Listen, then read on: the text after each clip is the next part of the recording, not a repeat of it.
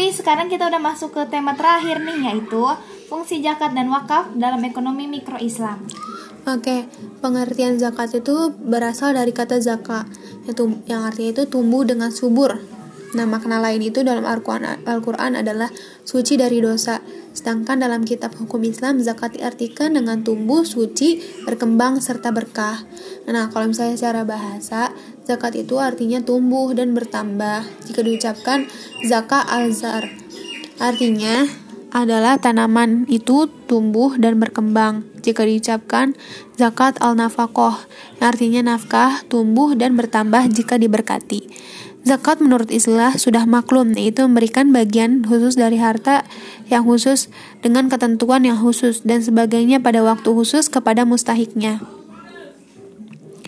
Maka ketika ayat Al-Quran atau Al-Hadis menggunakan kata zakat yang kaitannya dengan pengeluaran harta, maksudnya hanya satu dan tidak ada yang lainnya yaitu zakat dengan takrif tersebut.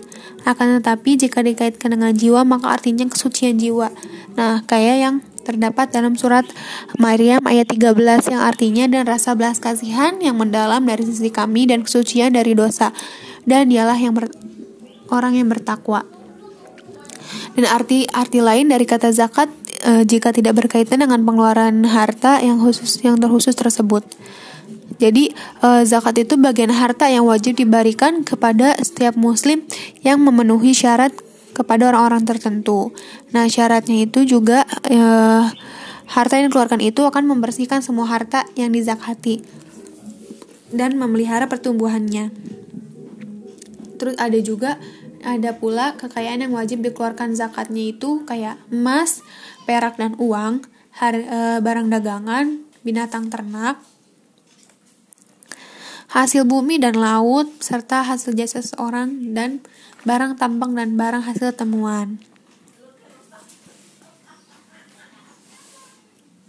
Terus kalau pengertian wakaf apa?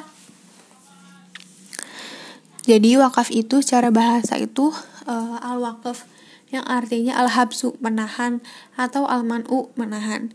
Kata al-wakaf merupakan masdar dari kalimat waktu al-dabah wakfan yang, ber, yang bermakna habatusa fisabilillah aku wakafkan di jalan Allah.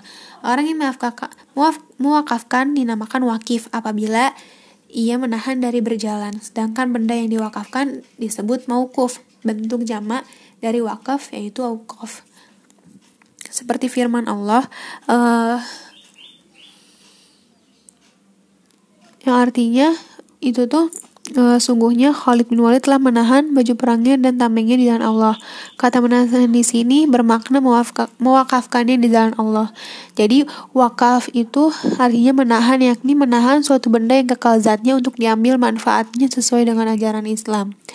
Orang yang telah mewakafkan hartanya tidak berhak lagi atas barang atau benda yang diwakafkan. Itu karena selain dari ia telah menggagalkan haknya atas bekas hartanya itu, peruntukannya itu pun telah berbeda ya ini kepentingan orang lain atau kepentingan umum. Jadi wakaf adalah satu lembaga pemanfaatan har e, harta yang sangat digalakan dalam ajaran Islam karena merupakan perbuatan baik dan pahalanya uh, juga nggak putus-putus gitu.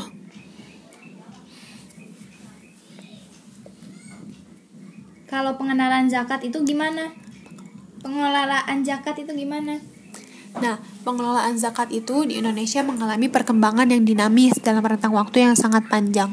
Dipraktikkan sejak awal masuknya Islam ke Indonesia, zakat berkembang sebagai peranata sosial, keagamaan yang penting dan signifikan dalam penguatan masyarakat sipil muslim dan dalam waktu rentang yang panjang telah menjadi telah terjadi pula tarik-menarik kepentingan dalam pengelolaan zakat di ranah publik di era Indonesia modern. Di tangan masyarakat sipil, zakat telah bertransformasi dari ranah sosial ke ranah pembangunan ekonomi. Pengertian pengelolaan zakat itu sendiri kegiatan pencernaan, eh perencanaan, pelaksanaan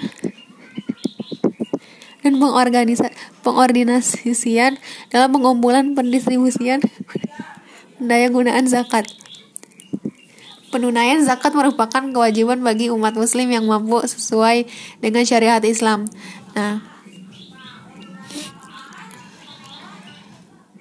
Islam memandang bahwa kemiskinan sepenuhnya adalah masalah struktural karena Allah telah menjamin rezeki uh, setiap makhluk yang telah sedang dan akan diciptakannya. Jumhur ulama sepakat bahwa selain delap, uh, jadi itu ada delapan golongan yang uh, dapat zakat. Itu yang pertama ada fakir, miskin, uh, amil zakat, mualaf, budak yang dibebaskan, orang yang berhutang, Fisabilillah dan Ibnu Sabil orang yang dalam perjalanan. Jadi jumhur ulama sepakat. Jadi selain delapan golongan ini haram menerima zakat lebih jauh lagi Al-Quran menyebutkan fakir dan miskin sebagai kelompok pertama dan kedua dalam daftar penerima zakat. Mereka inilah yang mendapat prioritas dan pengutamaan oleh Al-Quran. Ini menunjukkan bahwa uh, mengatasi masalah kemiskinan merupakan tujuan utama zakat. Jadi uh, fungsinya zakat itu ini gitu.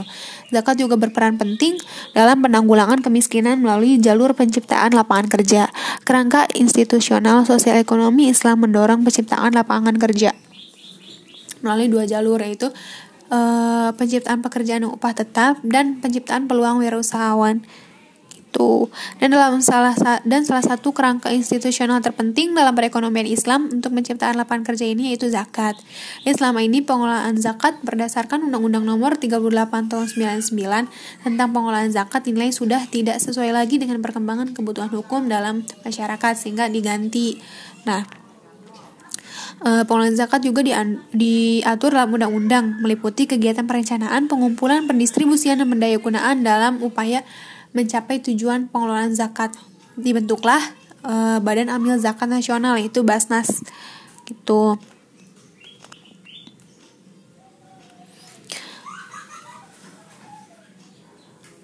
Terus ada juga aspek-aspek aspek yang mendukung peran zakat. Yang pertama mikroekonomi zakat. Dari aspek ekonomi mikro, zakat memiliki berbagai implikasi ekonomi yang penting antara lain terhadap konsumsi agregat, tabungan nasional, investasi dan produksi agregat. Nah, implikasi terpenting zakat yaitu dampaknya terhadap konsumsi agregat. Dalam perekonomian Islam di mana zakat diterapkan, maka masyarakat akan terbagi dalam dua kelompok pendapatan, yaitu membayar zakat dan menerima zakat. Kelompok masyarakat wajib zakat akan mentransfer jumlah proporsi pendapatan mereka ke kelompok masyarakat penerima zakat. Hal ini jelas akan membuat pendapatan yang siap dibelanjakan dari mustahik akan meningkat.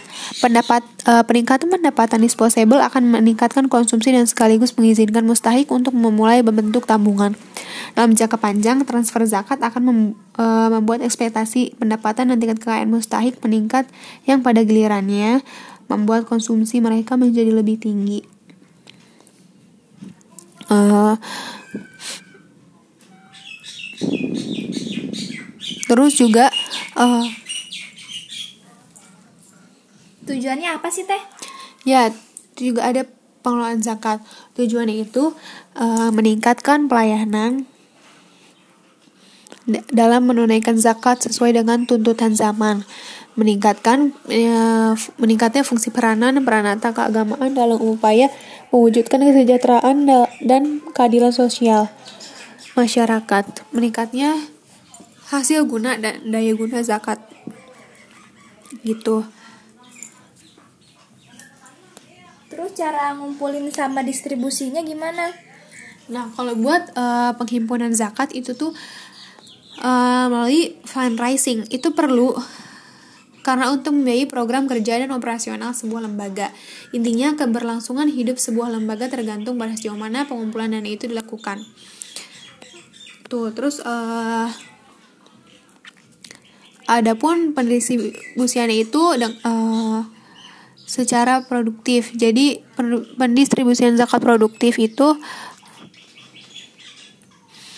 jadi sebenarnya e, pendistribusian itu ada empat bentuk. Ada distribusi bersifat konsumtif tradisional yaitu zakat yang dibagikan kepada mustahik untuk dimanfaatkan secara langsung seperti zakat fitrah yang diberikan kepada fakir miskin untuk membutuhi kebutuhan sehari-hari atau zakat mal yang dibagikan kepada para korban bencana alam. Yang kedua, distribusi bersifat konsumtif real, uh, kreatif. Jadi zakat yang diwujudkan dalam bentuk lain dari barangnya semula, seperti diberikan dalam bentuk alat-alat sekolah atau beasiswa.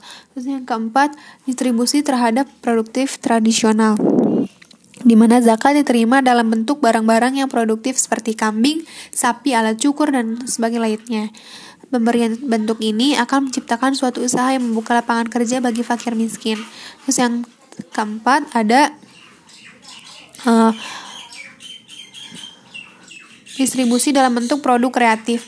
Zakat diwujudkan dalam bentuk permodalan baik untuk membangun proyek sosial atau menambah modal pedagang pengusaha kecil. Itu kan zakat, kalau wakaf gimana? kalau misalnya uh, wakaf itu terkait dengan pengertian power yaitu kekuatan atau keberdayaan power diartikan sebagai kekuasaan atau power over. Jadi dalam istilah uh, empowerment itu power diartikan sebagai daya untuk berbuat dan kedua kekuatan bersama. Dan yang ketiga ada kekuatan kekuatan dari power within. Jadi uh, Pemberdayaan itu adalah upaya untuk membangun e, masyarakat untuk dengan mendorong, memotivasi dan membangkitkan kesadaran akan potensi yang dimilikinya serta berupaya untuk mengembangkannya. Jadi e, masyarakat itu nggak lagi e, kena anggapan yang salah kayak masyarakat nggak tahu apa yang diperlukan bagaimana memperbaiki nasibnya terus orang miskin menjadi miskin karena bodoh dan malas gitu pertanian sebagai uh, sektor tradisional juga nggak produktif dan tidak menguntungkan. Terus yang keempat ada akses masyarakat desa terhadap sumber dana yang sangat terbatas dan tidak dikembangkan karena dianggap berisiko tinggi. Jadi sebenarnya uh, itu tuh wakaf juga proses juga dilihat dari uh, potensi lingkungannya gitu. Mungkin itu aja tentang tema fungsi zakat dan wakaf dalam ekonomi mikro Islam.